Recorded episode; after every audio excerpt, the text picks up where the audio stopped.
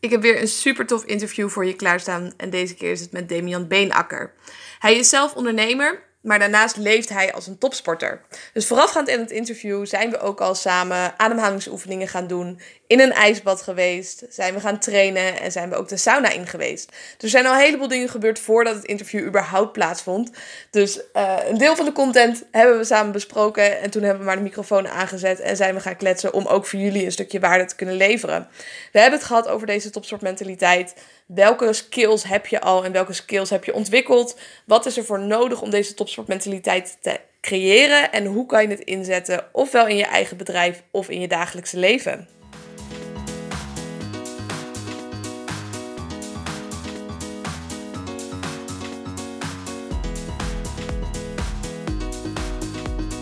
Nou, ik zit hier aan tafel met Damian en ik denk dat ik al een uurtje of drie dat we in de weer zijn. Uh, intensief met, programma gehad. intensief programma gehad. Zijn eerste ademhalingsoefeningen gaan doen. Toen het ijsbad in geweest. Toen trainen en toen de sauna.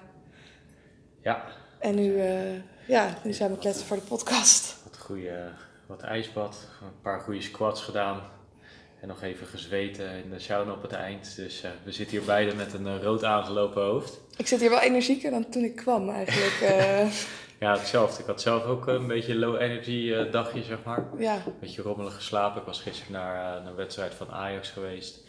En ik ga over het algemeen niet zo laat mijn mand in. Dus mm -hmm. nu was dat wat later. En twee biertjes op, dat doe ik ook niet al te vaak. Kikt het dan ook harder in op ja, het moment uh, ja, zeker, dat je drinkt? zeker. Op het moment zelf maakt dat niet zo heel erg uit. Maar ja, je merkt gewoon dat je minder goed slaapt. En volgende ochtend toch een klein beetje een soort van groggy wakker wordt, zeg maar. Ja. Maar goed, uh, dat hebben we er net even met... hebben we er net even goed uitgejaagd. Ja, dus precies. daar zit je weer lekker fit bij. Ja, inderdaad. En ik denk ook op het moment dat je zo gezond leeft, dan merk je dat verschil ook veel meer. Op het moment dat je altijd energie hebt en het is wat minder. Bij normale mensen, maar zo te zeggen, mensen met een andere levensstijl. Ja. Die denken, oh, het zal wel liggen aan vermoeidheid. Maar als je alles zo op orde hebt en je slaapt een keertje minder, je drinkt Ja. een keer een biertje, dat je meteen kan zeggen, ja, daar ligt het aan. Ja, heb jij dat ook? Of, uh, Ja, zeker. Ik voel het na één wijntje al. Ja. Of als ik een uurtje minder slaap. Of als ik dan toch op mijn telefoon heb gezeten voordat ik naar bed ben gegaan, dan merk ik het meteen. Ja, en hoe ga je, daar, hoe ga je daarmee om? Ehm, het soort van feedback voor mezelf. Ik dan denk, ah ja, daarom deed dat ik het. Ja, en op, de, op het me. moment zelf, zeg maar, op de dag zelf, ga je dan juist wat rustiger aan doen? Of ga je dan juist iets doen waardoor je herstelt? Of wat? eh? Jawel, vaak doe ik dan of een extra meditatie tussendoor. Of Ja. ehm, als het mogelijk is, dan slaap ik net even wat langer, maar ook niet te vaak. Want dan ga je het weer comfortabel maken voor jezelf. En dat wil je ook weer niet helemaal. Want anders dan blijf je elke keer zeggen, oh dan ga ik een half uurtje later slapen. En dan zet ik de wekker wel later. Ja, ja, ja, ja. ja, bij mij is het, ik ga daar juist, of ik stop er extreem voor werken, dat ik echt koude douche ga doen, ademhaling, dat ik mezelf echt op heb. Ja, Maar ik kan er soms ook wel van genieten, zeg maar, als ik bijvoorbeeld een avondje uitga, dat ik echt mijn volgende dag al helemaal een soort van blanco maak. Dat ik het eigenlijk meer als een soort complete hersteldag eh, ja. dan, eh, dan zie. Dan denk ik van, eh, ik hou gewoon lekker eten in huis. En, eh, lekker chillen. ja, het is een van die twee is altijd wel lekker om, om te doen. Ik heb dat meer als ik inderdaad echt uitgegaan ben. En dan Ja. drink ik meestal twee drankjes of zo. En dan mag de dag daarna wel een, een, een off day zijn. Ja, Ehm, maar door de week, zeker als ik dingen heb gepland, dan wil ik dat ook graag wel doen. Dus dan ben ik inderdaad eerder bezig om mezelf op te peppen. En kijken van hè, hoe kan ik nog zo, ja. zo goed mogelijk functioneren. eh, onder de omstandigheden zonder dat het altijd extreem wordt. Maar ehm, Ja, ja, vroeger was het bij mij echt, eh, echt heel extreem, want toen werkte ik in de, in de horeca. mhm. En toen voetbalde ik eh, bij de plaatselijke voetbalvereniging in, in de tweede elfte. Dus dan moest je op zondagochtend altijd vroeg de veren uit om dan een wedstrijd te spelen. ja, Het waren ook altijd wel wedstrijden enigszins op, eh, op niveau. Ehm, maar s'avonds ja, ging ik toch nog wel vaak wat, eh, wat doen. Ik leefde het, ja, niet heel erg voor mijn sport op dat moment. mhm. Ehm, maar toen had ik echt zo'n heel herstelroutine, zeg maar. Dus dan had ik echt flesjes ehm, Aquarius klaarstaan. En had ik 's ochtends echt een heel programma waardoor ik echt binnen no time weer een soort van fit was, dacht ik althans. ja, onder omstandigheden Om de waarschijnlijk. omstandigheden goed te doen. En als ik dan, als ik dan bijvoorbeeld wat, wat gedronken had, dan was ik ook een soort van 's ochtends echt kwaad op mezelf. Van, godver, waarom ben je dit nou gaan doen? En die, die woede die zet ik dan om, om een zo goed mogelijke wedstrijd te spelen. Dus ja, dat, dat zei ik althans tegen mezelf. Ik dacht van, dat zal de prestaties niet heel erg beïnvloed hebben. Maar Maak jezelf wijs. ja, maar dat, dat geloof ik zeg maar achteraf gezien eh, zeker niet. Dus eh, Ik had ook, ik heb een tijdje rugby gedaan en er stonden ook eh, vaak mensen brak op het veld. Ja, En zeiden ze, ja, als je brak bent, dan speel je de beste wedstrijd.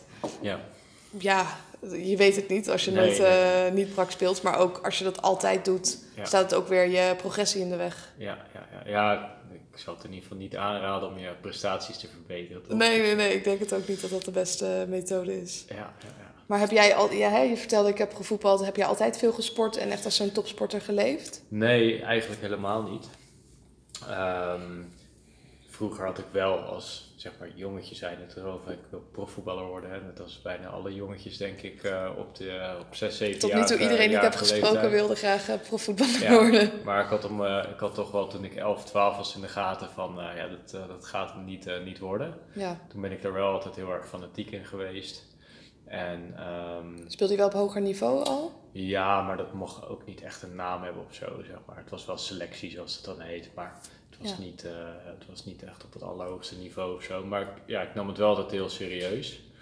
En, ehm, en eh, ook in die tijd eh, deed ik eigenlijk van alles wat. Dus ik studeerde, ehm, maar daarnaast voetbalde ik nog. Daarnaast was ik ook nog coach van, van de jonge pupillen. Eh, en daarnaast werkte ik ook nog een fulltime job. En daarnaast wilde ik altijd nog met vrienden op eh, stap, wat ook ongeveer drie, vier keer per week gebeurde. Dus ik leefde eigenlijk een soort van vijf levens in, eh, in één. Ging dat ten koste van je slaap? ja, slapen, dat was ook een beetje bijzaak, zeg maar. Meestal had ik dan één dag dat ik echt al mijn slaap inhaalde. Eh, ik kan me echt nog heel veel dingen herinneren dat ik echt eh, als een soort van zombie in de trein naar, eh, naar school zat en zo, naar het HBO. Ja. En ehm, ja, dat maakte gewoon niet uit. Idee, ik werkte toen echt 40 uur in de week. De studie die was ook zeker 40 uur. En daarnaast dan nog uitgaan en, en voetballen en coachen. Dus dat, ja, dat was gewoon echt su- super intensief. ja. En toen had ik op een gegeven moment het inzicht van. ehm, eh, toen was ik naar Siget Festival geweest. Dat is een festival in Hongarije. Waar, dat week, toch? duurt. Ja. ja, zeven dagen duurt. En daarna had ik nog Lowlands ingeboekt. Dus ja, ik ging daarin ook altijd een soort van tot de, tot de max. Ja.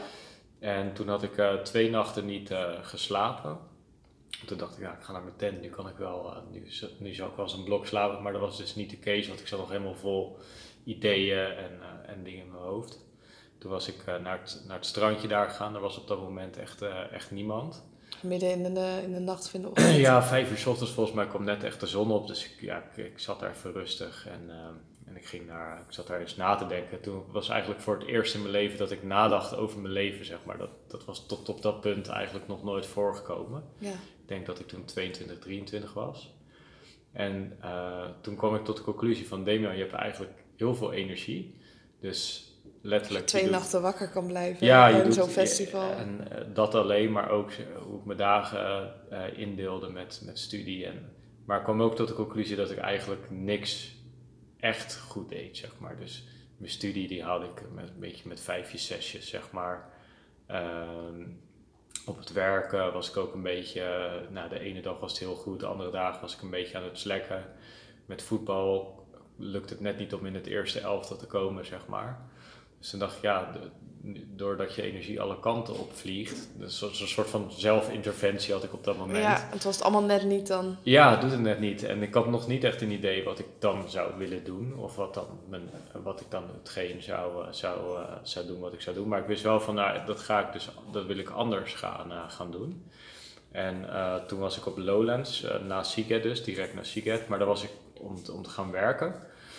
En ehm, ik werkte daar als barista, dus ik gaf workshops om mensen eh, mooie koffies te leren maken. Daarvoor was ik ingehuurd op, eh, op Lowlands. En ehm, toen had ik Veri eh, leren kennen.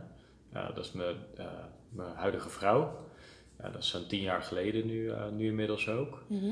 En toen, ja, toen, ik, toen ik haar leerde kennen en dus met haar een relatie kreeg, was eigenlijk ook al dat heel veel energie in één keer dus met uitgaan. En ze, had me ook geholpen om een scriptie af te maken. Dus toen vielen in één keer dat soort dingen allemaal weg. Waardoor er eigenlijk eh, toch wat meer stabiliteit eh, eh, in mijn leven kwam. En twee maanden, drie maanden later had ik toen besloten om te gaan, om te gaan ondernemen.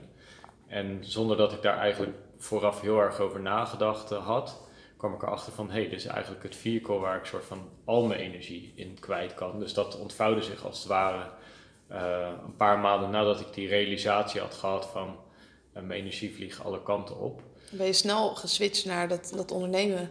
Ja, ja. En, en kijk, aan het begin van de onderneming uh, had ik ook niet echt een, een heel plan. Dus toen was die focus ook nog niet echt, uh, nog niet echt heel goed. Ik deed toen video-editing en uh, hielp ik bedrijven met marketingcampagnes. Mm -hmm. maar toen had ik ook allerlei verschillende soorten klanten. Ik werkte zelf nog aan wat projecten. Dus toen was ik ook al snel 80, 90 uur in de week aan het, uh, aan het uh, buffelen. Ja, en waarschijnlijk met jouw energie dat dat nog, nou ja, de andere mensen zouden omvallen, maar ik denk... Ja, dat, dat ging heel goed. En ik werkte dan s'avonds nog ook nog in de, in de horeca, dus overdag. Um, eigenlijk was ik daar vrij gedisciplineerd in, werkte ik van 10 uur s ochtends tot uh, 5 uur s avonds aan, aan mijn business. Mm -hmm. Dus video's en campagnes maken voor, voor klanten. En dan s'avonds van 6 tot 11 uh, werkte ik in de, in de horeca. Dat heb ik uh, twee jaar volgehouden. Uh, in jaar twee begon ik iets meer van, van ondernemen te begrijpen, zeg maar. Jaar één had ik ook werkelijk geen idee. Deed je daarom de horeca erbij voor het financiële stukje? ja, ook om, om ook heel praktisch, zeg maar. ik at altijd in het restaurant, dus dan hoefde ik in ieder geval niet na te denken over, over eten. En s'avonds het verdiende, ik wist al wat ik daar kon doen. En ik had daar een aantal vrienden werken. Plus, het was ook werk waar je, ja, waar ik, wat ik zelf soort van op de autopilot kon, uh, kon doen. dus het was ook lekker lopen en je was onder de mensen. En dat was eigenlijk heel anders dan in je eentje in die kamer soort van je business aan het bouwen zijn. Dus die twee, uh, dat ging prima. En, en dat werken, dat vulde dus eigenlijk ook een paar andere behoeftes in. Van ik hoefde dus ook geen, niet na te denken over eten en, ja. uh, en dat soort zaken. En gezelligheid. En gezelligheid en zo, dat was daar toen, toen ook al. Um, dus dat was op zich heel, heel prima te doen. Maar als je erover nadenkt, waren dat wel altijd ja, zes dagen in de week gewoon uh, bij elkaar. Uren, ja. Misschien wel 80, 90, uh, 90 uur. Maar ik ervaarde dat niet per se als, oh, ben ik nu hard aan het werk of zo. Ik, ik was wel hard aan het werk, maar ik bleef er ook wel heel veel plezier in aan dat ik progressie zag in hetgeen wat ik in de business aan het uh, doen was. Ja. Um, toen ook met een toenmalig oud klasgenoot was ik dat gestart. Maar ik had eigenlijk nog geen idee wat het ondernemen inhield. Uh, totdat op een gegeven moment een mama aansprak van Damian, wat is eigenlijk je verdienmodel? En tot op die dag had ik nog nooit van het woord verdienmodel gehoord. Dus ik deed, ik deed eigenlijk echt maar wat. Ik verhuurde gewoon eigenlijk letterlijk mijn uren gewoon voor, voor inkomsten. Ja. Nou, die man die legde mij toen ook heel haarfijn uit van ja, dat is eigenlijk geen goed idee uh, om een business te doen. Dan is het niet schaalbaar. Je moet iets doen wat niet van jou afhankelijk is per se. En dat kwartje dat viel eigenlijk wel, uh, wel gelijk. en toen uh, ben ik een half jaar later met, uh, nadat ik ja, een aantal contacten was tegengekomen onder mijn huidige compagnon. Die had een groothandel en daarvoor was ik al een vriend tegen het lijf aangelopen. Die was met webwinkels bezig. En die had eigenlijk wel mijn ogen geopend van de mogelijkheden die daarin lagen. En toen was het eigenlijk, net als dat ik die, dat inzicht had van mijn energie vliegt alle kanten op, had ik dat ook van uh, met webwinkels en dus eigenlijk de kracht van het uh, internet. Ja. Van ja, als ik nu over goede handel zou kunnen beschikken, dan kan ik daar een succesvolle business van bouwen. Ja. Dus dat plaatje zag ik wel uh, redelijk goed voor, voor ogen. Um, en ja, die liep ik toen op een gegeven moment dus ook tegen het, tegen het lijf. En ja, toen zijn we wat dingen gaan testen en proberen. We spraken ook dezelfde taal over heel veel, over heel veel dingen, hadden dezelfde ambities. Ja, en toen was het, was het snel gegaan en toen was ook echt, toen had ik ook één business, één opportunity. In focus. Ja, waar ik toen echt volledig uh, mijn aandacht op heb uh, gelegd. En eigenlijk uh, drie jaar lang non-stop aan heb gewerkt. Totdat het op een gegeven moment op een punt kwam dat je een team kan bouwen. En, dat, het, dat je ja, ook zelf wat minder. Um, dat het allemaal wat minder om jouw input draait. Dat teamleden heel veel verantwoordelijkheden hebben. En ja, dan is het echt een bedrijf wat je dan hebt, uh, hebt opgebouwd. Ja. ja, cool. En als je dan kijkt naar een stukje topsportmentaliteit, wat heeft er dan denk je voor gezorgd? Uh, hey, je noemde al een stukje focus, uh, dat ervoor zorgt dat je inderdaad in drie jaar dat team kan opbouwen. Ja. Um, ook die energie die je had en plezier. Ja. wat heeft er denk je nog meer aan bijgedragen? Um, nou, kijk, in, in, in business moet je, zeg maar, kijk, je kan op verschillende schalen natuurlijk succesvol zijn. Hè? Dus um, ik denk altijd één schaal van succes in je business is als je dingen, dingen doet die je leuk vindt en je van kan leven. Nou, dat is al geweldig, want dan kun je je eigen tijd indelen.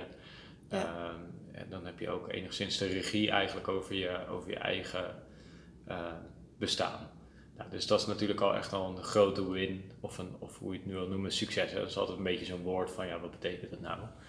Ehm, in het geval van het, eh, van het, van het bedrijf dat je, dat je bouwt, had ik altijd wel een, een visie om het wel wat groter te maken, zeg maar.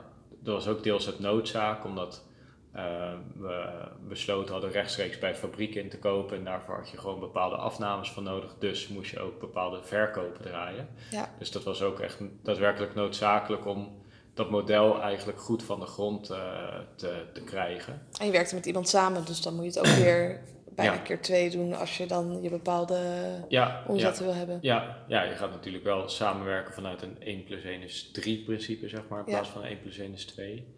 Ehm, maar de schaal van succes, dat is ook in, met vele factoren heeft dat ook te maken, onder andere eh, een stukje timing. Zeg maar, 7, 8 jaar geleden toen ik daarmee begon, toen waren webwinkels relatief nieuw. Ehm, toen was het nog niet zo heel erg eenvoudig om te importeren vanuit het eh, Verre Oosten. Eh, Google AdWords was eigenlijk nog niet echt bij alle bedrijven bekend. Super goedkoop toen, denk Eh, ik ook. ja, je kon dan eigenlijk relatief beta- betaalbaar aan, eh, aan traffic komen. En social media kwam toen net op, dus dat was met name Facebook wat toen ja, nieuw opkwam. Eh, dus, dat waren alle, dus er waren eigenlijk vier, vijf grote trends die ik op dat moment ook wel een beetje in mijn zeilen had, zeg maar, eh, eh, tijdens, Een tijdens stukje het ondernemen. geluk dus ook wel. Ja, of Die dat, je zag, maar je maakte van het geluk maakte je een kans. Ja, van, van eh, kijk, ik denk als je, eh, je, je kan in, eh, met business moet je altijd kijken van wat is een soort van wave waar je, waar je op kan gaan, net als golven zeg maar. Ja. Maar soms heb je dan echt letterlijk drie of vier of vijf waves. Dus ik probeer altijd te kijken van waar zijn er dingen die, eh, dat een soort van meerdere grote trends elkaar, eh, elkaar raken zeg maar. En kijken of je daar dan in de buurt kan komen en daar iets mee kan doen. Dat, dat zorgt ervoor dat je eigenlijk eh, letterlijk de wind in de zeilen hebt. In plaats van dat je een soort van heel erg moet ploeteren om een, om een business van de grond te krijgen. Ja. Op dat moment was ik me daar niet per se super bewust van. Ik zag natuurlijk wel dat er heel veel kansen lagen op, op internet. Eh, maar nu zie ik veel meer wat er toen de tijd gaande was, zeg maar. En dat probeer ik nu wel bewust van te zijn van of je dat weer in andere vlakken kan zien of waar je dat weer kan zien en hoe je daar dan vervolgens wat mee kan, eh, kan doen. ja, dus ook echt hoe kan ik mezelf makkelijker maken in plaats van eh, moeilijker. Op die Ehm, manier, op het gebied van business dan. Ja, niet per se makkelijker, maar je moet, je moet ook wel een beetje, eh, althans, ehm, daar, ja, daar kun je ook verschillend over denken, maar je wilt ook een beetje op een plek zijn waar er wat gebeurt, zeg maar. Dus stel dat jij eh, eh, bijvoorbeeld eh, tien jaar geleden had je Hives, dat was in Nederland was dat heel erg, heel erg groot. En in Californië was Facebook. En Hives was eigenlijk toen de tijd veel verder dan dat Facebook was. Het groeide sneller. Maar hij zit letterlijk op een gegeven moment. Ze hadden een heel goed viraal systeem. Waarmee ze eigenlijk op een, op heel vlotte manier dus uh, nieuwe leden konden krijgen. Maar op een gegeven moment groeide dat ledenaantal zo explosief dat ze het niet aankonden qua servers. En die servers die kostten toen de tijd nog miljoenen. Um, dus toen waren ze eigenlijk heel erg beperkt in het schalen, omdat in Nederland niet echt grote investeerders waren om dat op te pakken. Facebook die had eigenlijk op dat moment een achterstand van, uh, ten opzichte van Highs, maar de ex-founder van Napster die had er een half miljard ingestopt als funding. Um, waardoor zeg maar de, de, de, de, uh, het groeipotentieel van Facebook volledig benut kon worden. Ja. Terwijl Hives eigenlijk toen langzame dood begon te, te sterven. Dus dat is wat ik bedoel ook van waves en kijken waar je dan, waar je dan kan zijn. Kijk, op het moment dat Hives op dat moment in Californië had gezeten, dan had het nu waarschijnlijk de hele wereld daarop gezeten in plaats van op Facebook. Want zo zag het toen op dat moment, uh, op dat moment uit. Ja, dus dat zijn natuurlijk ook, uh, ik bedoel, ik denk in jouw wereld, zeg maar, als jij in een gym komt waar eigenlijk een beetje halve mentaliteit is, waar niet echt topsporters zijn en je komt daar voor de eerste keer versus een plek uh, waar goede coaches zijn en dat soort zaken. En die zien van, hé, hey, die Isabel, die, die, uh, die heeft potentie, daar willen we mee aan de slag. Ja, dan, uh, dan zul je zien dat, dat, dat het potentieel ook veel meer benut kan, kan gaan worden. Ja. En is dat bij jou ook gebeurd dan in die jaren dat, dat jouw potentieel daarin goed benut is? Ja, doordat ik die, die trends in ieder geval in mijn voordeel had, ja. kon het bedrijf ook, ook heel erg snel groeien. Ja. Natuurlijk zijn er meerdere factoren daarbij van belang, maar zeg maar het feit dat, dat je die trends in je, op, op, op dat moment had, dat zorgt er natuurlijk wel voor dat, je, ja, dat, het, dat het echt veel sneller gaat dan dat je, dan dat je misschien anderszijds had, uh, had moeten bouwen. Ja, en je vertelde net ook al even, hè, in die vier jaar je bedrijf groeide keihard. Dat je op een gegeven moment fysiek het idee had van er moet iets veranderen. Ja, ik, het was gewoon heel erg, de manier waarop ik onderneemde was gewoon totaal niet. Um, ik vertelde je net over de eerste jaren dat ik dan s'avonds in de horeca werkte. Uh, bijvoorbeeld toen at ik elke avond om half twaalf s'avonds pas. Je, uh, je diner had je dan Ja, pas. dan had ik mijn diner en dat was altijd een mega groot bord spaghetti met een steak. Zeg maar, dat was het, dat was het eten. Omdat je ja, gewoon s'avonds uh, gelopen had in het restaurant en je at echt een gigantisch bord spaghetti. Ja, dus dan ging je daarop, zeg maar, een uur later lag je dan in je bed, zeg maar. dat is gewoon zo'n zware maaltijd. Ja, dat was eh. totaal niet, niet goed. Maar ja, dat was gewoon een manier van leven hoe je dat dan, dan had. Ja. En ook in het bedrijf nam ik nooit tijd om te lunchen of ontbijt sloeg ik over. En dan had ik gewoon een bord met koffie en ticket een ontbijtkoek op mijn bureau liggen. Dus ja, dat had ik vier jaar gedaan totdat ik op een gegeven moment echt extreme klachten kreeg van mijn lage onderrug en mijn benen. En uh, ja, ik zat niet goed in mijn vel, kreeg heel veel afte en zo in mijn mond. En dat was gewoon niet, uh, niet heel best. Ik had ook vaak griepjes en zo. Was dat door de stress, denk je? Ja, gewoon een combinatie van een slechte levensstijl en, en, en je houdt je heel veel op de hals. Dus dat is ook wel weer stress, zeg maar. Ja. Uh, dus dat, ja, dat was gewoon niet... Ik was er ook totaal niet mee bezig van hoe kan ik gezond leven of zo. Of hoe kan ik dat Geen gaan. prioriteit? Nee, nee, ik was er... Dat, ik was er ook totaal niet echt uh, niet bewust van of zo. Ik, uh, ik, was nooit in aanraking gekomen met, uh, met een gezonde leefstijl, want mijn omgeving was op dat moment horeca. En in mijn kantoor met een aantal mensen een business opzetten, dat was een beetje mijn, mijn perspectief. En toen, ehm, ja, via, was ik in een ondernemersgroep terechtgekomen waar mensen heel gezond leefden en die vertelden daarover en dat, dat inspireerde me wel. Maar wat bij mij toen de knop heeft omgezet was dat ik op een gegeven moment met Wim Hof in aanraking ben gekomen en naar een Pyreneeënreis was gegaan. En um, na die reis, zeg maar aan het begin van de reis, ging ik als een soort van half wrak er naartoe. En aan het eind voelde ik me echt super sterk en fit en ja, zag ik weer veel meer mogelijkheden voor mezelf. En uh, dat heeft eigenlijk de journey van het sporten en um, ook met je fysiek dat heel serieus nemen, weten wat je eet. En nou ja, dat, nou, dan ben ik ook gelijk een soort van spons. Dan lees ik er alle boeken over. Dan kijk ik er honderd video's over op YouTube. Dan wil ik er gelijk alles over weten. Zelfs met ondernemen, wat je zei, ja, alles wat je leerde, dat paste je toe. Dus ook met het ja, ja. gezonde, het fysieke stukje. Ja, en toen heb ik ook een hele goede coach uh, uh, gevonden. Dus dat is iemand die me hielp met, uh, ja, mijn personal trainer, zeg maar. Ja, die weet natuurlijk, dat is echt een, ook een complete vakidioot, Michael. En ja, daar ben ik ook heel dankbaar voor dat, dat ik die tegenblijf was gelopen. Want zeg maar, voordat ik met krachttrainen begon, had ik echt alle voordelen over krachttraining. Van ja, dom, dom, beetje gewicht omhoog duwen. Is niks voor mij. Niks van.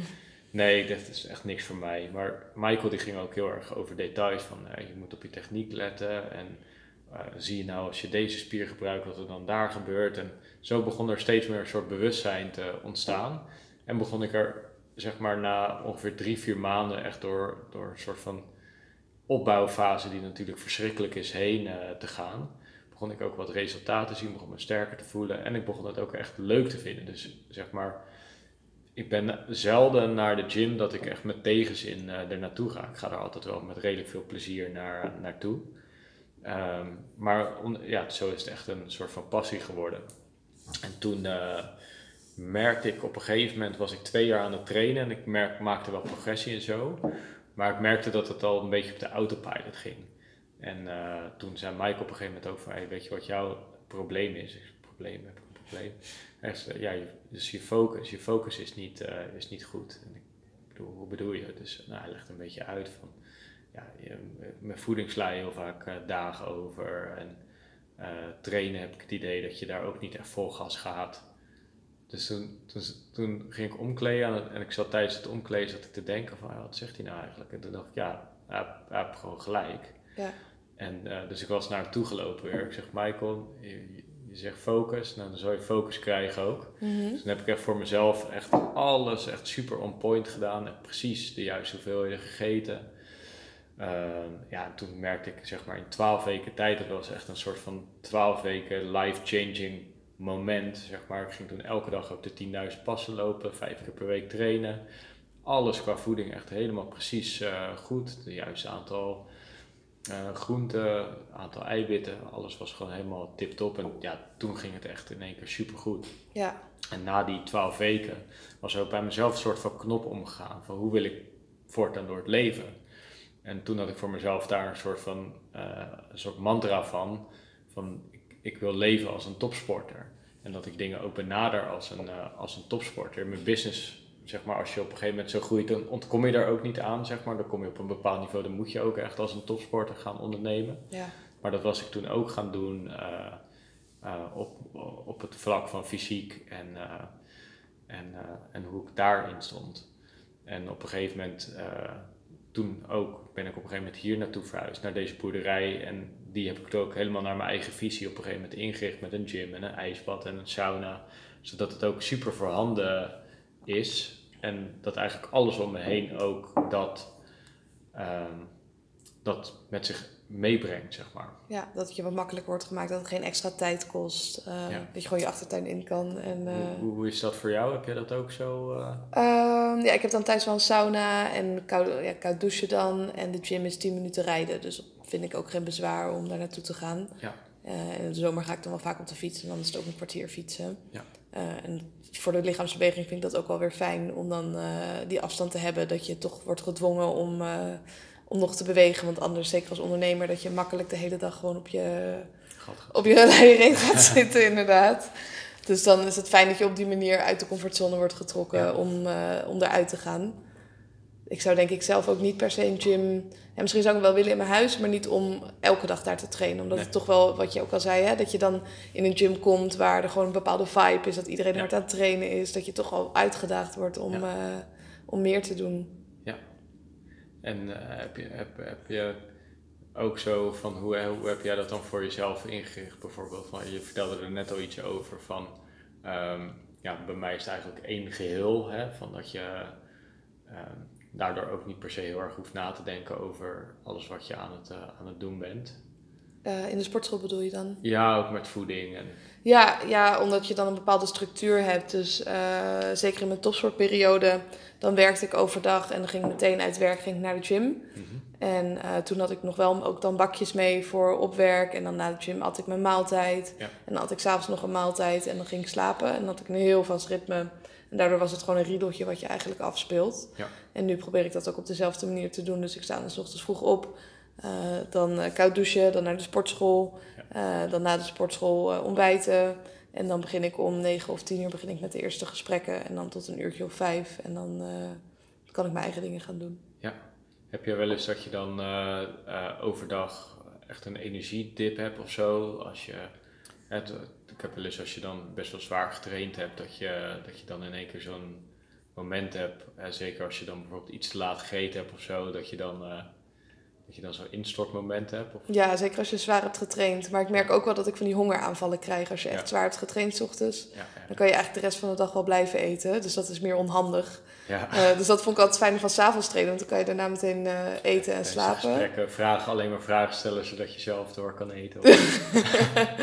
nee, dat valt gelukkig nog wel mee. Maar dan wel tijd ertussen plannen, zodat je dan eventjes eh, pauze hebt. Ja. Maar dat is dan het soort van wel het nadeel, denk ik, van het echt het zware krachttrainen. Ja. Eh, dat je dan wel die dipjes hebt en eh, toch al ja, veel honger krijgt. ja. ja, je zenuwstelsel eh, die krijgt een behoorlijke optater natuurlijk. Ja, Dus, ja, dat had ik ook wel in de tijd van mijn topsport. Dat ik eh, merkte dat ik het lastig vond om toen minder te eten en om af te vallen. Ja. Of als ik minder at, dat dat eigenlijk weinig effect had. Want je lichaam die heeft het echt nodig en die houdt het allemaal vast. Ja. Ehm, en dat ik nu juist wel makkelijker dan weer zonder eten kan. Dus dat Ja. is voor mij dan wel weer fijn. Want dan kan je ook wat meer doorwerken en wat meer focussen. ja, ik moet zeggen dat ik ook wel uitkijk naar dat we straks nog even wat gaan eten. Ja, ja, het is alweer even geleden. Mijn lunch was ook eh 12 uur, denk ik, Oké, of zo. oké. En wat was jouw... ehm, ja, want de gym was voor jou dan een beetje een leerschool voor, voor het ondernemen? Of benader je het eerst al in het ondernemen met topsportmentaliteit... en ging je dat daarna in de gym doen? Ja, nee, ik was eigenlijk juist andersom. Dus ik was het ondernemen meer in de, in de gym dan gaan toe, toepassen. Ja, Dus ik, ik, kwam er wel achter laatst ook van eigenlijk alles wat ik, eh, wat ik doe. Dan heb ik altijd een soort van ergens in mijn achterhoofd zitten van ik wil hier goed in worden, zeg maar. Dus of, dat, dat, dat herinner me nog toen ik in de horeca werkte. Eh, toen, eh, toen werkte ik achter de bar bijvoorbeeld. Dan ging ik echt uitzoeken van hoe kan ik deze bar zo efficiënt mogelijk runnen. Hoe kan ik zorgen dat de koffie zo goed mogelijk bereid wordt en zo. Dus in plaats van dat werk daar zo uit te voeren van oké, ik sta hier en ik doe hier maar wat. eh, probeerde ik daar wel echt eh, het beste van te maken, zeg maar. En dat kan ik me herinneren met een krantenwijk die ik vroeger heb gehad. Dus dat heb er altijd wel, wel in gezeten. ja, Uh, hetgeen wat ik doe, daar probeerde ik gewoon altijd heel erg goed in, in te worden.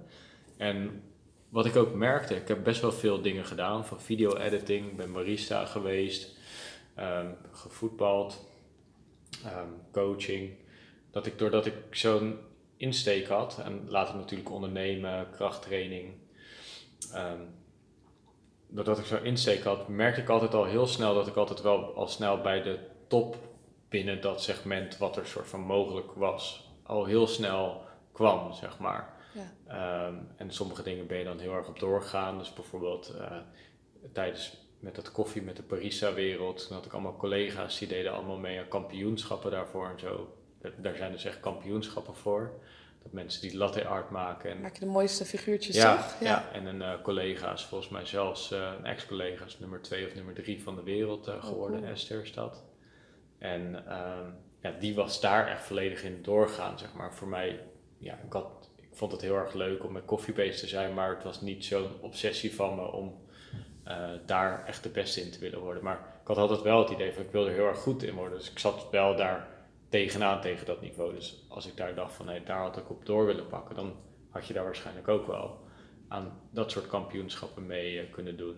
Dus wat ik daar eigenlijk uit leerde, is ehm, op het moment dat je voor jezelf soort bepaalt van hier wil ik heel erg goed in worden, dat je eigenlijk binnen twee, drie tot vijf jaar ook daadwerkelijk bij de top kan, eh, kan behoren.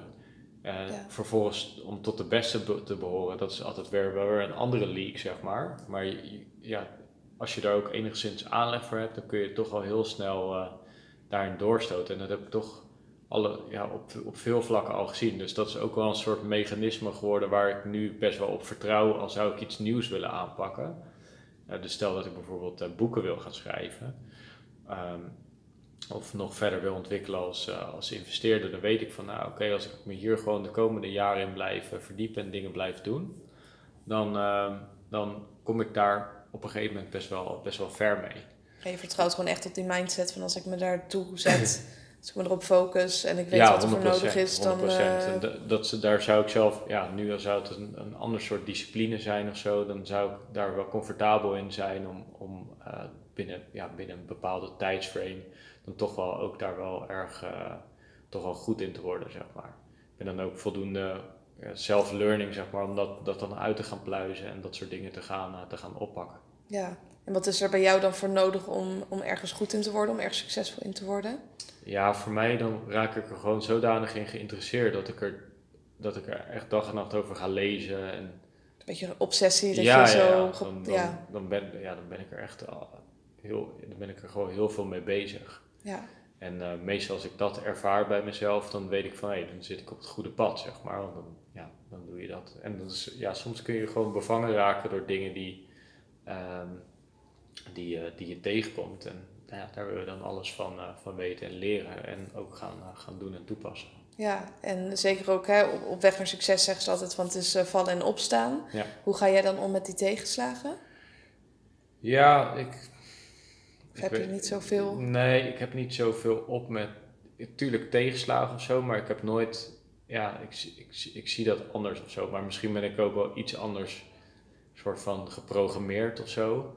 Ik denk, oké, meer van, oké, komt de tegenslag, dan heb ik al mijn eerste neiging. Is, sterker nog, ik merk zelfs dat ik gemotiveerd raak als er soort van tegenslagen komen. Natuurlijk, soms heb je echt tegenslagen die heel vervelend zijn, maar vaak maken ze ook wel een bepaalde energie los, zeg maar. Van, uh, ja, bijvoorbeeld een klant die uh, ja, een rekening van weet ik niet hoeveel duizend niet betaalt of zo. Ja, dan, dan moet je ook wel dan kan het soms demotiverend zijn natuurlijk. Maar ik kan dan ook gaan nadenken van hé, hoe ben ik in deze situatie terechtgekomen? En hoe kan ik dat, dat, dat doen? Dus um, ik denk dat ik voor heel veel dingen gewoon best wel een soort rationele benadering heb. Ja, je betrekt het niet op jezelf van oh, ik ben niet goed genoeg, ik kan er maar beter mee stoppen. Nee, dat, dat, dat komt echt, dat komt niet in me op, zeg maar. Dus ik, ja, in de voetbal zeggen ze altijd van je speelt op de bal, zeg maar. En zo zie ik dat ook met ondernemen. Van, hey, je moet eigenlijk oorzaak-gevolg heel goed kunnen, kunnen achterhalen. Ja. Uh, met sporten natuurlijk ook. Van hé, hey, oké, ik, uh, ik heb bijvoorbeeld nu een minder goede dag. Waar komt het door? Dan weet je dat. En dan weet je dat het ook niet echt... Dat jouw persoon dat veroorzaakt heeft of zo. Dus ik ja, probeer daar altijd gewoon zo rationeel mogelijk in te staan. En als er iets gebeurt, altijd te kijken van... Hé, hey, wat is hier de veroorzaker van? Kunnen we die core-oorzaak hiervan aanpakken, kunnen we hier wat aan doen? Ehm, of uh, wat, kan ik doen, wat kan ik eraan doen om deze situatie uh, uh, ja, alsnog op te lossen of in goede banen te, te leiden? Ja. ja, en dan zelfs nog, zelfs als je nog zo rationeel bent, dan kun je alsnog af en toe te maken krijgen met situaties die echt eh, vervelend zijn. Ja, dan moet je dan maar mee dealen dan op dat moment. En dat is, dat is lastig. Het meest lastig vind ik zeg maar situaties die um, ja, toch met mensen zijn of zo. Als je lastige gesprekken moet voeren of als je um, niet helemaal de vinger achter iets kan leggen waarom iets gebeurt. Weet je, dat zijn wel dingen die wel energie kunnen, kunnen kosten. Ja. Maar over het algemeen events die, ja, die met, met geld of met andere zaken te maken hebben, daar kan ik nooit zo uh, van wakker liggen. Gewoon een numbers game dan? Uh... Ja, dan, ja, je weet gewoon dat eens in de honderd, ja, dan kom je een keertje eentje tegen die dat bijvoorbeeld doet. Of ja, dan moet je dat ook een beetje zo zien en kijken hoe je dat kan uh, voorkomen in, uh, in de toekomst. Ja, en ik denk ook zeker wat je net al zei, van ik ga geen dingen proberen. Ik ben er altijd in voor de long run, voor minimaal vijf jaar. Ja. Um, dan zijn tegenslagen ook waarschijnlijk geen excuus om te stoppen. Dat het, als je al dat commitment hebt gemaakt om iets voor langere periode te doen, ja. Uh, dat je niet zo snel uit het veld laat slaan door kleinere dingen. Nee, maar het hoort, ja, ik heb, ik ben, ik heb ook wel echt overtuigd van het hoort er gewoon bij, zeg maar. Ja, je kan Tuurlijk verlang je af en toe naar een soort van, uh, soort van oceaan waar zeg maar, de boot heel, heel soepel, zeg maar, met precies de wind op de juiste hoek zeg maar, in het zeil uh, vaart. Ja. Um, en die dagen die heb je, zeg maar, dat alles echt uh, soepel verloopt en goed gaat.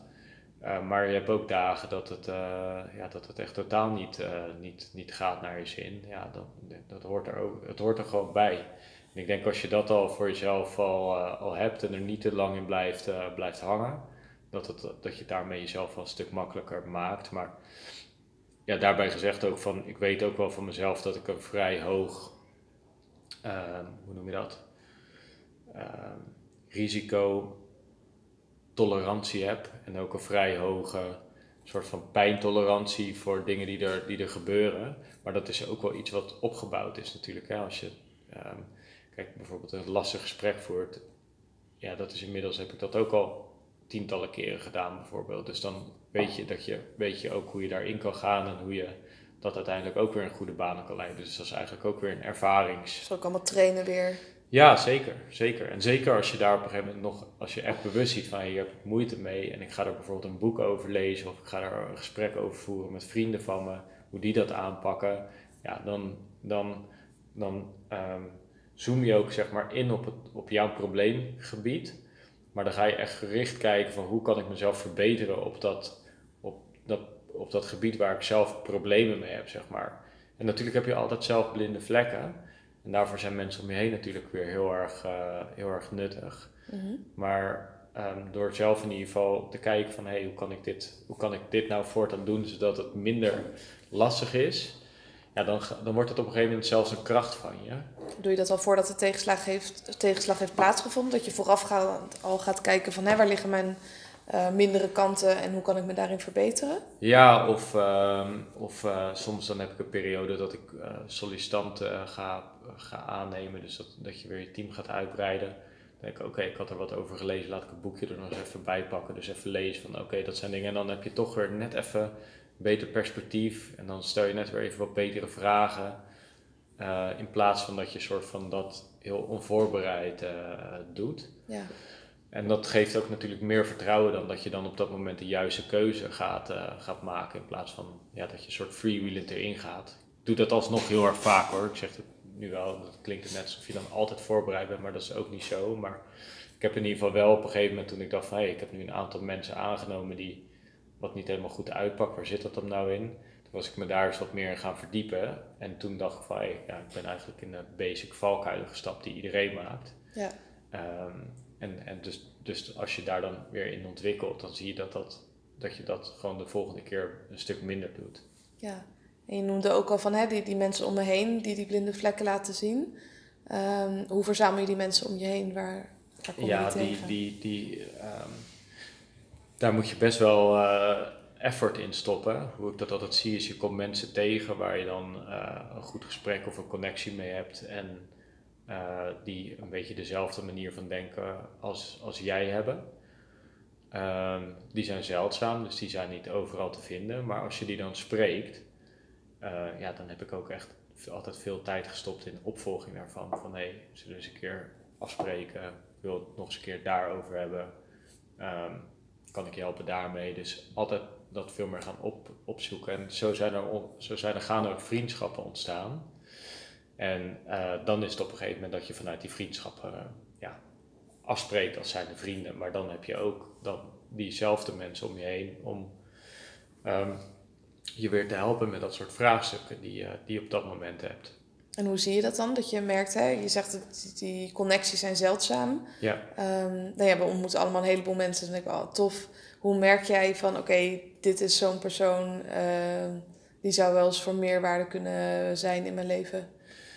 Ja, kijk, dat is, dat is niet per se gebaseerd op, op de prestaties van zo'n persoon of zo, of wat, wat zo'n persoon op dat moment doet, maar dat is gewoon dat je uh, merkt dat je gesprekken ergens over gaan, dat je merkt dat, um, dat je bijvoorbeeld eenzelfde visie deelt over bepaalde dingen. Dus kijk, je, je hebt heel veel verschillende vormen waarop je kan ondernemen. Ik vind het belangrijk dat ik ruimte ernaast heb om te kunnen sporten, dus moet ik ook mijn tijd min of meer zelf kunnen indelen. Nou, dus dan mensen die, waarvan je ziet van hé, hey, die leven het leven zoals, uh, zoals ik dat ook leef of zoals ik dat zou willen leven.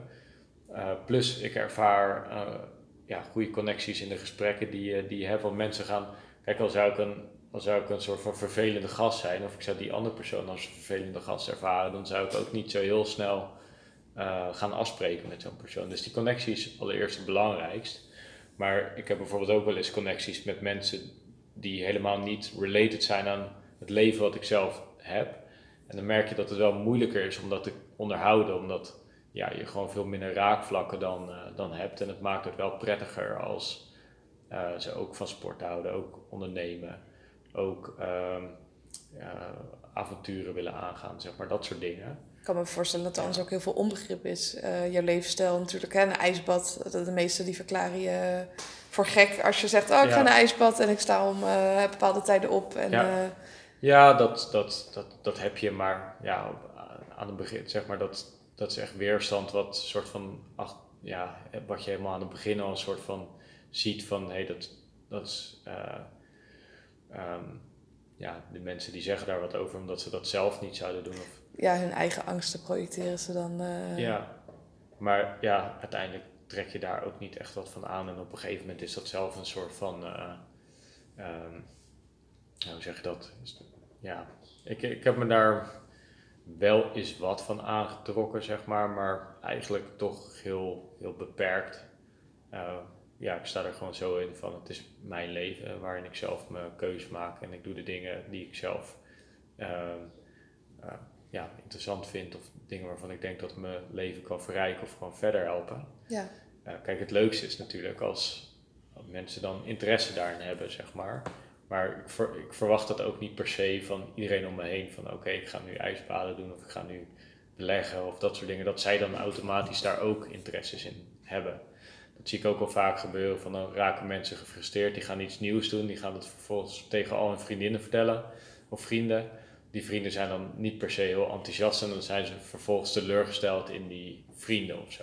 Ik heb het ook wel andersom. Dat mensen gaan verantwoorden naar mij waarom ze niet sporten. Okay. Dat soort van je aanwezigheid ja, al... nee, zeker. Uh... Dat, dat triggert dat ook. Dat is heel confronterend voor mensen. Als jij, zeg maar... Uh, er zijn ook onderzoeken naar geweest. Als jij bijvoorbeeld met... Uh, zeven of acht mensen uit eten bent en dan wordt er een goede fles wijn opengetrokken. Jij bent de enige die dan geen wijn drinkt, dan uh, wordt het ervaren alsof jij, of, alsof jij het gedrag van hun afkeurt. Ja, klopt. Uh, dat ze die persoon onaardiger vinden ook, hè? Ja, ja, ja. dus zeker zeg maar in de tijd dat je, dat je op, toen ik op een gegeven moment ging stoppen met, uh, met alcohol drinken. ja, toen, toen, dan kreeg je echt wel eens discussies van, ja, waarom neem je geen biertje? Dat was, er werd echt best Grappig, hè? Dat ze liever willen dan dat jij drinkt. Dat maakt het minder erg wat, wat, wat zij doen. Ja, het is gewoon onderdeel van het, van het groepsgevoel, dat soort dingen. Het is, is bijvoorbeeld iets als drinken heeft gewoon een heel sterk sociaal karakter. En uh, daarom is het ook zo moeilijk om ermee, nou ervaren heel veel mensen moeite om dat, dat uh, of mee te stoppen of te minderen omdat die sociale druk rondom dat soort dingen gewoon heel erg, uh, heel erg groot is. Ja. En op het moment dat je op een vrijdagmiddagborrel staat en jij doet daar niet aan mee, dan ben je toch wel een beetje degene die het feestje verstoort, zeg maar. Ja, dat mensen worden geconfronteerd met hun eigen. Ja, ja of, ze, of ze, ze, ze, hebben gewoon meer van ja, laat me gewoon dit lekker doen. En uh, ondanks dat, terwijl, terwijl zij hebben dat gevoel van laat me dit lekker Precies, doen. Want jij andersom zegt, wil je dat ook hebben van laat mij lekker gewoon een spaatje blauw drinken. Want je zegt niet, hè, ik vind, het, ik vind het gek dat je bier drinkt. Nee, nee, nee. Nee, maar ja, zo, zo. Dat is gewoon een mechanisme hoe dat werkt. En weet je al zelf ook, uh, dat is gewoon een, denk een soort stukje in, het, in, in gewoon hoe mensen zijn. Hè, dus soms, uh, soms heb je ook wel eens van, ik ben er wel, ik ben er wel echt heel, heel, heel makkelijk in. Uh, maar soms heb je ook wel eens van dat je bijvoorbeeld met een aantal vrienden op pad gaat en één zegt ja, ik ga toch op tijd naar mijn bed. Dan heb je toch een beetje van, hè, kom op nou. Weet je, ja, iedereen wil mee. dan aanmoedigen om... Ja, aanmoedigen om mee te gaan. En uh, daar sta ik inmiddels ook in van, ja, als jij dat, uh, als jij dat wil, weet je, doe je ding. En, het is bij ons zelfs zo extreem. Ik ga met altijd een, een van mijn beste vrienden, ga ik één keer per jaar ga ik op vakantie. En uh, we, zijn allebei wel dat we ons eigen, eigen ding doen. Er was op een gegeven moment op vakantie zo erg van, ja, hij zei, ja, ik heb trek in Italiaans eten. Ik zeg, ja, ik wil, ik wil naar een steakhouse. Zo. Uh, maar we merkten beide van, ja, weet je wel, hij wil niet naar een steakhouse, ik wil niet naar een Italiaan. Toen zei nou oké, dan zien we elkaar over een uurtje wel weer en dan ga jij een Italiaan eten. En, en toen stonden we ook daadwerkelijk van, van zijn we dit nou daadwerkelijk aan het doen? Dat we met z'n tweeën op vakantie zijn en dat we allebei naar een apart restaurant gaan. Dus we konden er zelf ook heel erg om lachen. Maar we ja. zijn uiteindelijk allebei los van elkaar gaan, gaan eten. En ja, uiteindelijk prima. En daarna zijn we gewoon weer samen dingen gaan doen. Omdat we het zelf leuk vonden om dingen samen te doen. Ja, en dan dus, ben je ook echt samen omdat je samen wil zijn. En dan zit je niet ja. in een restaurant waar je eigenlijk geen zin nee, in hebt. Nee, exact. Maar goed, ja, al ga je dit natuurlijk uitleggen aan, aan, aan een andere persoon die denkt van... Ja, maar dat, dat doe je toch niet? Of dat, uh, dat gaat toch niet? Ja. En, dan ga je toch samen iets zoeken wat je leuk vindt of een Italiaan waar dan ook ja, meebewegen dan met de ander. Ja. ja, precies.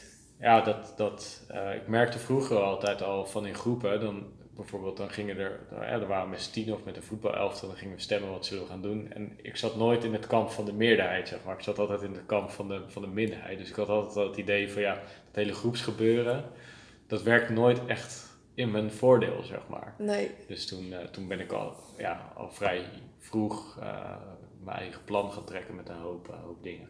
En uh, connect ik ook het best met mensen die ook op een, een of andere manier hun eigen plan uh, trekken. En die het dan ook oké okay vinden als jij je eigen plan trekt. Ja, en niet, ja, ja. ja het is zo goed, weet je, dat maakt me niet uit als, je dat, als, mensen, dat, als mensen dat doen. En ja, dat, ik vind dat heel prettig. Ja, daarom reis ik ook graag alleen, want dan kan je ook doen waar je zin in hebt. En als je met mensen bent, dan kan dat ook. En als je alleen wil zijn, dan, dan kan dat ook.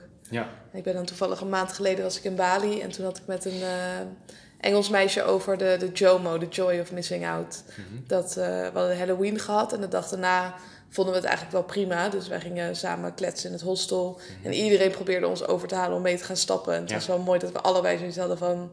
Nee, ja, doe je best maar. Maar we gaan gewoon hier lekker kletsen en op tijd naar bed en het is goed zo. Ja. Dat, ehm, dat dat juist veel fijner kan zijn dan dat je je mee laat nemen en dan over je grenzen gaat en daar toch geen leuke avond hebt. En eigenlijk daar inderdaad dan tegen Ja. je zin in zit. Terwijl, eh, nou ja, lekker eh, kletsen en op tijd slapen Ja. en je dag daarna fit voelen, dat dat veel fijner is. Ja, ja, voor beide is natuurlijk een case te maken, zeg maar. Eh, vroeger, toen ik nog in de uitgaanstijd zat, toen had ik samen met een, met een goede vriend Bart, hadden we altijd een soort beweging. We deden onze hand, zeg maar, soort naast ons hoofd als een soort knop. Dus zeiden we altijd, er was altijd het gebaar van knopje om. En zeg maar, als het knopje om gebaar gemaakt werd, dan, eh, dan mocht je gewoon niet verzaken dan, zeg maar. Dus ondanks dat ik dan heel graag dan eh, op tijd in mijn bed had willen liggen, waren dat toch altijd wel een soort van legendarische avonden. Ja, Dat het verwachtingsper, verwachting van de avond echt super laag lag. En dan het uiteindelijk toch, eh, toch super was. Ehm, dus ja, die, die, dat kun je natuurlijk ook wel maken. Maar ja, beide is gewoon prettig. ja, Ehm, alleen ik denk dat het gewoon ehm, ja, dat het al heel erg helpt als je niet een bepaalde groepsdruk, dat je daar altijd onder bezwijkt, zeg maar. Soms is het prettig als je door een groep laat overhalen en misschien een keertje juist uit die comfortzone ja, een beetje uit je comfortzone komt en misschien iets doet wat je anders niet had, eh, had gedaan. Maar kijk, als je altijd uh, met een groep mee moet gaan om daar een soort van voldoening uit te halen, ja, dan denk ik ook dat je, dat, dat niet, uh, niet helemaal goed is. Ja, het hangt denk ik ook vooral van je eigen um, intenties af. Hè? Als je het te spannend vindt om ja te zeggen, dat dan die groep inderdaad in je voordeel kan werken. Ja. Maar als je van tevoren zoiets hebt van nee, ik wil het gewoon echt niet. Um, dat je dan sterk genoeg moet zijn om nee te zeggen tegen die groepsdruk. Ja, ja, ja. Ja. ja, en zeker als je dan op een gegeven moment mensen om je heen hebt die, uh, ja, die, die, die ook zeg maar, positieve intenties hebben. Zeg maar, in de tijd van het uitgaan was gewoon. Um, dat was, ja. We probeerden het echt elke avond zo gek mogelijk te maken. Zeg maar. Dat was echt letterlijk de insteek. Ons, ons motto op dat moment was ook: het moet steeds gekker. Dat was zeg maar ons. Daar, met dat motto heb ik van mijn twintigste tot mijn 25ste zo'n beetje, een beetje geleefd. Mm -hmm. En uh, ja, elke avond probeerden we dat dan ook weer te overtreffen, zeg maar. Dus dan had je op een gegeven moment ook een groep mensen om je heen, die allemaal met diezelfde motto en mindset het uitgaansleven inging. Dus ja, dat, was, dat een versterkte natuurlijk het ander. Ja. Dat zag ik toen ook op een gegeven moment in. Dat merkte ik op een gegeven moment ook met ander type vrienden om je heen. Bijvoorbeeld die in een onderneming dan lekker aan het vlammen zijn en mooie projecten aan het uitrollen zijn. Dat je dan ga je ook mee in die vibe van die mensen. Ja, dus als jij uh, nu nooit, stel dat jij nooit, dat je nooit rookt. En je gaat vanaf nu al met tien mensen die elke dag roken. De kans dat je na drie maanden rookt is gewoon best wel groot. Uh, maar dat is ook andersom. Dus als je tien sporters om je heen hebt of tien mensen die elke dag boeken lezen. En elke dag heel blij aan het vertellen zijn hoe, hoe fijn die boeken allemaal wel niet zijn. De kans dat jij dan een boek op gaat pakken is gewoon 600 ja, groter. Ja, dat ja. werkt gewoon zo. Ja, dus ik zeg altijd zo van, stel dat je met, uh, dat je aan een tafel zit met tien ondernemers die je niet kent, uh, dan is de kans groot dat je met één of twee een goede connectie maakt en dat je daar dus uh, vaker mee gaat afspreken. Anderzijds, dan zit je aan een tafel met tien uh, criminelen, dan heb je waarschijnlijk ook de kans dat je met één of twee heel goed kan vinden, dat je daardoor uh, met hun vaker om zou willen gaan. Dus je moet wel een soort van bewust worden van aan welke tafel je, gaat aanschuiven. Ja. Is dat ook een hele bewuste keuze die jij bent gaan maken gaandeweg? Want je zei, hè, die, die gelijkgestemde zorgde er eerst voor dat ik alleen maar gekker ging en uh, zoveel Ja. uren aan het werken en aan het feesten was. Ja, en het is, het is meer dat je dat op, het, gaat, het ontstaat ook wel zelf, maar ook wel, je gaat het natuurlijk ook wel opzoeken. En andere dingen die ga je niet meer opzoeken. Dus uh, op een gegeven moment had ik wel van ja, het uitgaansleven dat hoeft van mij niet meer. Dus dat zet ik dan ook. Ik ben dan best wel van wel, oké, okay, dat doe ik niet meer. Boem, dat, dat zet ik dan ook gewoon gelijk uit, zeg maar. Heel zwart-wit, niet uh, geleidelijk uh, nee, dat minderen. Kan ik, nee, dat is best wel. uh, dat, dat, dat heeft ook wel wat vriendschappen gekost. Um, wat achteraf, ja, toch altijd wel, wel weer sommige dingen. Eh, kijk, heel veel mensen van die, van die tijd, ja, dat, dat, daar kun je nog steeds vrienden mee zijn, zeg maar. Maar ja, je gaat gewoon niet meer daar meer, meer, meer, naartoe naar het uitgaansleven. Dan merk je van hé, hey, um, doordat je dus dat dan niet meer doet, ja, dan ben je toch wel een beetje een soort van uh, outlaw in één keer. Maar je hebt ook geen raakvlakken dan meer. Nee, of, of minder, dan, gewoon een stuk, stuk minder, weet je wel. Ja, dan, kan niet meer meepraten over die gekke avond. Nee, nee, nee, nee. En, en dat heeft ook in, uh, met Veri, met uh, mijn vrouw hebben we daar ook veel over gehad, want zij zat er op een gegeven moment nog wat langer in. Op een gegeven moment kon ik het echt een soort van niet meer aanzien of zo. Ik dacht, man, hoe kan dat nou nog doen? Maar zij zag dat toen op een gegeven moment niet. Tot, tot echt een aantal jaar geleden. Toen besefte zij ook van, dan denk ik, ja jezus, het gaat echt alleen maar over feestjes. En uh, die gesprekken, die kan ik echt niet meer volgen. Want ik heb nu ook uh, ondernemersvriendinnen en dat vind ik eigenlijk veel leuker om daarmee te doen. Ja, dus dan gaat het gaandeweg meer naar je interesse toe, zeg maar. Maar niks is mooier, denk ik, als je een groep mensen om je heen hebt, wat voor interesse je ook hebt. Dat je, daar, ja, dat je daarover kan, uh, kan hebben en dat je allemaal de, de insteek hebt om beter te worden in die betreffende discipline. Zeker ook als je een beetje obsessief erdoor bent, omdat je er beter door wil worden, dan is het ook heel fijn als je met die mensen erover kan praten. Ja, dat merk ik ook heel erg bijvoorbeeld bij de CrossFit. Daar ga ik op zaterdag uh, uh, regelmatig naartoe. Daar heerst ook echt zo'n vibe van iedereen probeert daar elkaar beter te maken. Iedereen support elkaar, iedereen nodigt elkaar uit voor leuke dingen.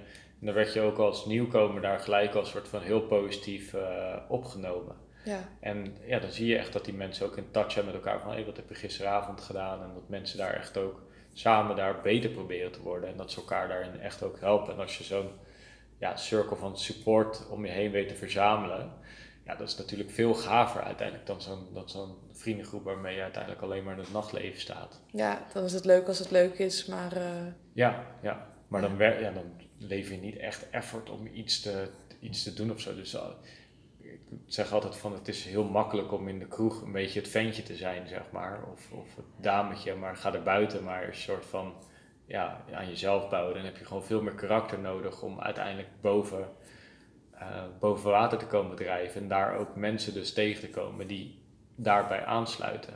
Ja. ja dus bijvoorbeeld uh, als je een relatie zoekt en je komt alleen maar in het uitgaansleven, ja, dan heb je vaak ook een persoon die ook weer wat minder is van karakter. Dus weinig minder diepgang in ieder geval. Ja, of, of ja dat, uh, terwijl als je dan samen al een paar dingen hebt die je zelf uh, gezamenlijk ook wil doen, dan maakt een relatie ook gewoon heel veel makkelijker. Ja. En dus duurzamer. Ja, precies. En je vertelde ook dat je vrouw is gaan ondernemen. Ja. Is hij later gaan ondernemen dan jij? Ja, ja. zij is eigenlijk een soort van uh, prototype van niet-onderneemster. Dus dat bedoel ik mensen die heel universitair geschoold zijn. Zij heeft twee universitaire studies gedaan. Mm-hmm. Dus dan heb je gewoon een heel andere manier van, uh, van, uh, van denken. Ja. En ik, ik denk tot een bepaald niveau. Je hebt ook mensen die universitair geschoold zijn, natuurlijk die hele mooie ondernemingen maken. die, ja, die, zijn er, die zijn er genoeg. Ja, ik heb ook universiteit gedaan, maar het is een hele andere manier van ja. programmeren daar. Hoe ze je mentaal zeg maar klaarmaken ja, voor het, het leven. Ja, en ik, uh, en ik denk dat het dus, uh, ja, als je daar te lang in zit en dan ook op een gegeven moment werk op academisch niveau hebt gedaan, om dan een switch, dat is een totaal andere mindset als, als ondernemer. Ja. En ik heb zelfs de denkwijze van dat het land, zeg maar, dat gewoon op keyposities in de samenleving, zeg maar, ook te veel mensen van academisch niveau zitten. Dus die krijgen uiteindelijk ook niet echt de dingen voor elkaar, zeg maar die hebben veel minder mentaliteit van dingen voor elkaar krijgen. Die hebben veel meer mentaliteit van uh, ja, research doen of die hebben meer. Uh, ook minder die topsportmentaliteit merk ik tenminste. Hè? Hoe ja. ga je om met een tegenslag? Het meeste komt vaak op hun pad en gaat ze allemaal makkelijk af. Ja. Natuurlijk heb je wel enigszins tegenslagen, maar als jij binnen de lijntjes kleurt en je volgt altijd maar het, het rechte pad en je gaat een studie doen en je doet een baan in die richting, ja. Ga, ja, dan gaat het eigenlijk allemaal heel erg vanzelf. Ja. Um, dus dan is het, ja, ik denk dat voor, als je dat wat, altijd op die manier hebt gedaan. komen zij dan bijvoorbeeld tegen waar je, wat je dan ziet? Mm, wel nu meer dat ze moeite hebben met solliciteren, omdat er gewoon te veel mensen ja. afgestudeerd zijn. Uh, qua tegenslagen dan wel uh, dingen met collega's of geen promotie ja. krijgen. Um, dat soort dingen meer. Meer problemen dan ook uiteindelijk met zichzelf en met hun eigen mindset. Dat ze zichzelf ja. daarin tegenkomen. Maar niet de tegenslagen als in hè, lastige investeringen doen. Ja uh, risico's nemen. Uh, ja, echt bepaalde dingen verliezen. Dat is toch, ja, in het ondernemen merk ik daarin dat het gewoon eh, een stroomversnelling is van persoonlijke ontwikkeling. En topsport natuurlijk ook. Ja, ja ik denk dat, um, kijk, ze natuurlijk generaliseren, dat kun je niet ten alle tijde zeggen. Maar dat als je het, een, een, een, academisch pad hebt met Tito Baan en al dat soort zaken, dat dat veel meer een soort van geplaveid pad is. Dus op het moment dat het dan buiten dat pad valt, dat je dan mensen daar minder comfortabel in, in, in zijn. Zeker ook als dat je omgeving is van universitair geschoolde mensen. Als je het hebt over die gelijkgestemden en jij gaat ineens wat anders doen. Ja. Uh, het lijkt me heel lastig ook. Ja, klopt. Ja, daarbinnen is eigenlijk nog meer een, uh, een, uh, een wereld van afkeur, zeg maar. Van, hè, dus binnen, binnen die wereld is um, hetgeen wat zij doen, is, zien ze als het meest hoog haalbare, zeg maar. Ja. En als je dan in één keer iets gaat doen wat je bijvoorbeeld puur vanuit eigen interesse wil doen, of puur vanuit um, um, eigenlijk een, een, een stap die carrière-wise gezien uh, in, de, in hun ogen niet per se een goede move is, dan heb je veel meer die sociale weerstand dan, uh, ja, dan dan iemand die op een ander niveau bijvoorbeeld instroomt. Ja, ik ben tijdens mijn master ben ik mijn bedrijf begonnen. Nou, uh, als ik dat mijn medestudenten vertelde, die vonden dat uh, ja. heel bizar ook. Maar ook omdat hè, je doet je studie, het is ook een vorm van zekerheid natuurlijk. Dat je dan, als je op een baan solliciteert, dat je in ieder geval kans maakt om te krijgen. Terwijl als je gaat ondernemen, je weet dingen niet. Nou, dan uh, leer je het jezelf wel aan of je ja. huurt iemand ervoor in. Maar het is een hele andere mentaliteit dan... ja. Ja dat school met een schoolgedeelte. Ja, ja en, en, en uh, kijk, ik denk dat je dan dus op een gegeven moment geprogrammeerd bent om op een bepaalde manier te denken. Uh, dus als je, kijk, mensen die, die kunnen dan bijvoorbeeld wel partner in een bedrijf worden of die kunnen uh, later instromen in een bedrijf wat al loopt en daar bijvoorbeeld een CEO-positie innemen. Dus uiteindelijk, zeg maar, al ga je qua kansberekening kijken, zeg maar, het is de denkwijze is van je moet een ondernemer zijn om bijvoorbeeld financieel succes te behalen. Dat is, dat is niet waar. Dus als je bijvoorbeeld een bedrijf als Tesla bekijkt, de mensen die daar uh, bijvoorbeeld CFO of de topprogrammeur zijn, die hebben ook allemaal aandelenpakketten gehad binnen dat bedrijf. Dus die zijn eigenlijk ook een soort van owner. dus bijvoorbeeld employee nummer 20 van zo'n groot bedrijf of employee nummer 100 van zo'n bedrijf, die zijn nu ook multimiljonair. Ja. Ehm, en, en zeg maar de kansen dat je als jij bij een bedrijf uh, instroomt waar dat soort mogelijkheden er liggen, dat jij uh, financieel succes behaalt, zijn ook vele malen groter dan als jij uh, het als zelfstandig ondernemer gaat, gaat, gaat doen.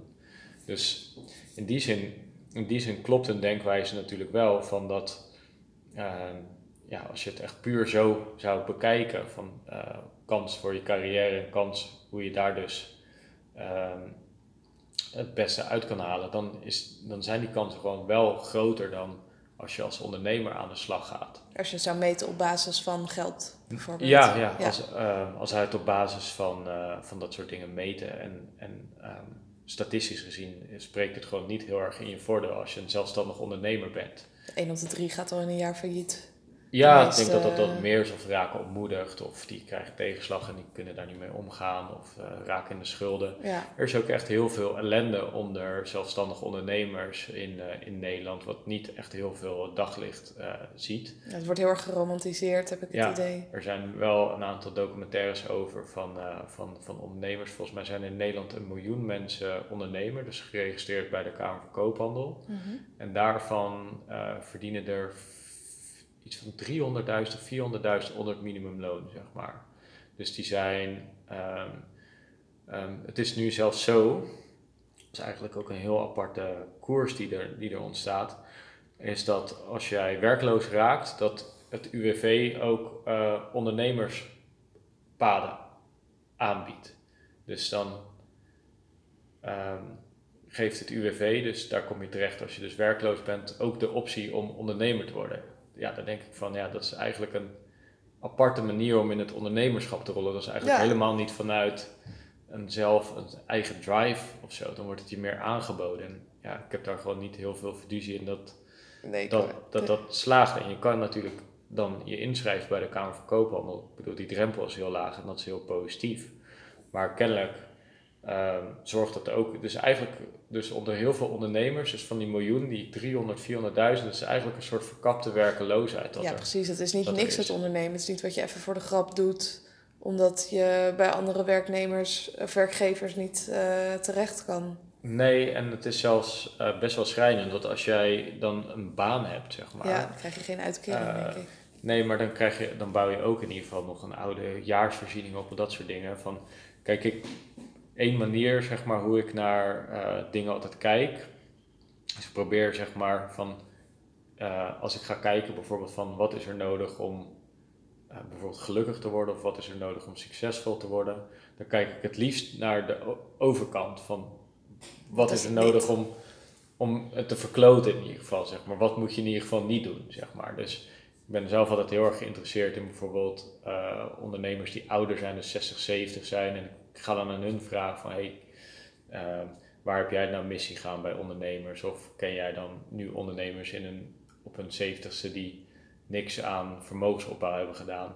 Ja, als je die verhalen hoort, die zijn best wel schrijnend. Dus dan weet je eigenlijk al best wel welk gedrag je moet uitsluiten. Ja, wat je niet moet doen. Ja, dan heb je eigenlijk al 70% te pakken, zeg maar. En dan is het nou in die 30% fine-tunen van, hé, wat, werkt er, wat werkt er voor jou? Ja, ja, dat is wel een hele mooie tip. Hè? Vooral kijken van oké, mensen zijn vaak op zoek naar die gouden tip van wat moet ik wel doen. Ja. Maar dat vaak door dingen niet te doen, dat je daar al, hè, wat je ook zei, niet drinken, niet te laat gaan slapen, dat, dat, dat je daar al uh, hele waardevolle dingen hebt. Ja, ik ben zelfs van overtuigd, dan zou je alleen maar focussen op dingen die je, waarvan je zeker weet van dit moet ik niet doen.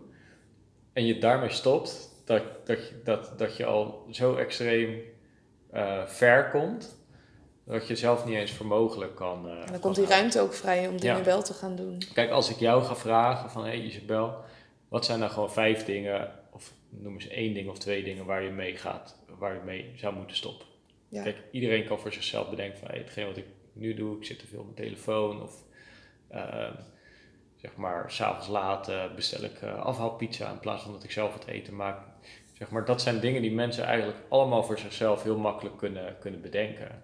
En ja, ga dat gewoon eerst eens elimineren, zeg maar. dat stap soort, voor stap. Ja, want je weet het zelf het beste, hè. Van uh, uiteindelijk um, ja, zouden mensen daar ook veel meer op moeten vertrouwen, vind ik. Van, hé, hey, wat, um, wat ervaar je zelf? Wat zijn dingen waar je het liefst mee, die nu al destructief zijn in hetgeen wat je aan het doen bent? En kun je daarmee stoppen? Ja, en dan kan je later wat, wat testen waar je goed op gaat.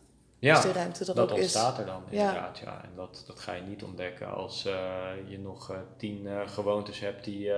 kijk, als je s ochtends opstaat en eerst een sigaret en een kop koffie drinkt... En, ja, dan, dan graaf je eigenlijk al je gat voor de rest van de dag, zeg maar. Maar dat heb je dan niet in de gaten. ja, ik vergelijk dat dat je naar de sportschool gaat en vervolgens drie pizza's eet... en dan verbaasd bent dat je niet afvalt. Ja. Ja, je bent jezelf zo aan het saboteren, dat, dat, dat werkt niet. niet. nee. nee. Nee. En als mensen zo'n topsportmentaliteit zouden willen ontwikkelen jezelf, bij mij kwam het een beetje makkelijk. Ja. Um, wat is er voor jou echt voor nodig? Wat zou je als tip mee willen geven? Ja, als tip maakt niet uit wat je doet. Al ben je, al ben je bijvoorbeeld ergens een, uh, een, een, een, boekhouder of je doet alleen maar, zeg maar data invoeren of whatever je aan het doen bent, schoonmaken, maakt niet uit. Probeer dat echt zo goed mogelijk te doen. Dus probeer echt na te denken van hoe kan ik dit echt zo goed mogelijk doen probeer jezelf echt die, uh, ja, die lat omhoog te leggen. Dus ben je bijvoorbeeld een huis aan het schoonmaken, zorg dan dat je, en je doet er normaal een uur over, kijk of je hetzelfde resultaat hebt, bijvoorbeeld 40 minuten kan behalen of zo, weet je ja, Dus jezelf uitdagen. Ja, gewoon echt met, met alles uh, in het moment ook uitdagen op dat moment. En um, en dat je, dat je daarin elke dag, ik zeg altijd van probeer gewoon elke dag 1% beter te worden, zeg maar. Dan denk je, oh, dat is niet zo heel moeilijk. Dat klopt, dat is ook niet zo heel moeilijk. Maar over een jaar gezien is dat een. Uh, 365% beter. Uh, nou, dat is zelfs 3000, 3000? Uh, oh, ja, nog meer procent, omdat het zich bij elkaar optelt. En elke dag is ook niet, niet helemaal realistisch. Maar stel dat je zeg maar 200 van de van de 350 dagen wel die insteek hebt, ja, dan ben je aan het eind van het jaar meer dan 1000% ook beter geworden in hetgeen wat je aan het doen bent. En dat zorgt ervoor dat er uiteindelijk veel meer mogelijkheden op je pad gaan komen dan als je dat niet zou doen. Herken je dat ook? Ja, enorm. Ja, maar dat, hè, dat hangt ook weer samen met een stukje kritisch zijn op jezelf, denk ik. Ja. Oké, inderdaad, hè, waar moet ik mee stoppen zodat ik uh, beter kan worden in wat ik doe? Ja. Ja, en wat zou jij, uh, wat adviseer jij of waar, hoe, hoe kijk jij er tegenaan? Um, ja, met name als het gaat om topsport mentaliteit, inderdaad, hè, die, die kleine stapjes die zo belangrijk zijn. Um, maar ook om, om een doel te hebben en daar naartoe te werken. En um, ja, om, om dat heel helder te hebben. Het hoeft niet super helder te zijn als in... eh, eh, bijvoorbeeld toen ik ging powerliften was mijn doel om bij de sterkste van de wereld te horen. Dus nou ja, en wel, waar ik in ik een medaille zou winnen of hoeveel ik zou tillen, dat maakte me eigenlijk niet zo heel veel uit. Maar wel die stip op de horizon te hebben van hè, daar werk ik ongeveer naartoe. Ja. Daardoor is het ook veel makkelijker om die keuzes te maken. Want voor mij was het bijna een no-brainer om te zeggen, nou dan ga ik niet stappen. Ja. Of als ik dan ga stappen, dan drink ik geen alcohol. Ja. Ehm, ik merk dat heel veel mensen super veel moeite hebben met keuzes maken. Van, eh, hoe doe je dat dan naar de sportschool gaan? eigenlijk al uitsluiten doordat je, doordat je daar gewoon een groter doel voor jezelf had, eh, had Absoluut. bepaald? Ja. Ja. dat heb ik nu met het ondernemen ook. Dat heel veel keuzes die ik dan maak, ja, dat is voor mij ook weer een no-brainer. Ja. Eh, omdat ik het zo tof vind en echt een doel voor ogen heb waar ik naartoe zou willen. Ja. Ehm, dat gaat het allemaal waard zijn. ja, waar wil je naartoe? Eh, ook financieel onafhankelijk. En dan eh, voor mijn dertigste. En dan die ruimte gebruiken om te gaan reizen en Ja. andere mensen te kunnen helpen. En, en hoe zou je business eruit zien? Dan zou je dat bewerkstelligen? Of wel, wel, wat heb je voor ogen om dat eh, te bewerkstelligen? Ehm, ja, toch wel meer het, het opschalen daarmee. Ehm, meer ook het samenwerken met bedrijven om daar dan een online product voor te maken. Om het op die manier dus ook schaalbaar te maken, maar wel het persoonlijke erin te houden. Dus daarin het ook ehm, uit te besteden aan andere coaches bijvoorbeeld. Ja. Ehm, en om zelf toch wel ook eh, nou ja, in mijn bedrijf te blijven werken als bijvoorbeeld spreker, coach. Ja. Eh, maar dan wel voor andere tarieven dan dat ik dat nu doe. Ja, en als zou je zeg maar fast forward dan doorspoelen, hoe zou dat er dan, eh, dan uitzien? Heb je daar een idee bij? Eh, uiteindelijk bedoel je? Ja, dus zelf, eh, zelf zeg maar, ehm, hoe, hoe, hoe ziet het eindpunt, of het eindpunt, voor zover dat kan noemen, hoe ziet de business eruit die dit voor jou gaat bewerkstelligen? Hoe, hoe zou je dat, hoeveel klanten zou je hebben, wat voor klanten zou je hebben? Ehm, waar ik naartoe wil is dat ik zeg maar dat de bedrijven mijn klanten worden. Ehm, en dat vaak, hè, dat bedrijven wel graag willen dat het goed gaat met hun werknemers. Ja. Als het niet goed gaat, dat zij daar letterlijk de prijs voor moeten betalen. Burn-out, depressies, eh, verzuim. Dus om daarin de schakel te worden. Ja, mooi. Ja, Nou, ik ga het, eh, ga het ook in de gaten houden. hè. ja tof. Leuk. Volgens mij ben je daar redelijk mee eh, op weg. Hè? Je hebt de gesprek al eh, gevoerd. Wa- Wat zijn nog meer stappen die je daarin, eh, die je nu nog als soort van obstakels ziet om naar het volgende niveau te gaan? Wat, wat moet daarvoor nog gebeuren als, als je dat zou beoordelen? Ehm, ik denk met name dat tijd voor mij nu het grootste ding is. Dan bepaalde resultaten willen zien. Nou ja, omdat ik nog niet zo heel lang bezig ben, heb ik Ja. nog niet zo heel veel. Dus dan doe ik wel mijn best om dat zoveel mogelijk te laten zien. Ehm, maar ik denk wel, als ik de pilotgroep heb gedraaid en daar geef ik gewoon duizend procent, Ja. dan heb je eh, ook weer meer resultaten. En dat, dan zou je het ook naar andere bedrijven kunnen, Vertalen. kunnen vertalen. Ja, en dat zeggen zij zelf ook. Van, hey, je mag het allemaal gebruiken ook Ja. om naar andere bedrijven. Ja, dus, Ja, van dus, waarde te kunnen dus je zijn. probeert je track record eigenlijk nog eh, wat, wat te versterken. Ja, precies. En het ripple effect te krijgen van mensen die over je gaan praten. Ja, ja. En eh, op die manier namen op te bouwen. Ja, Ja, mooi.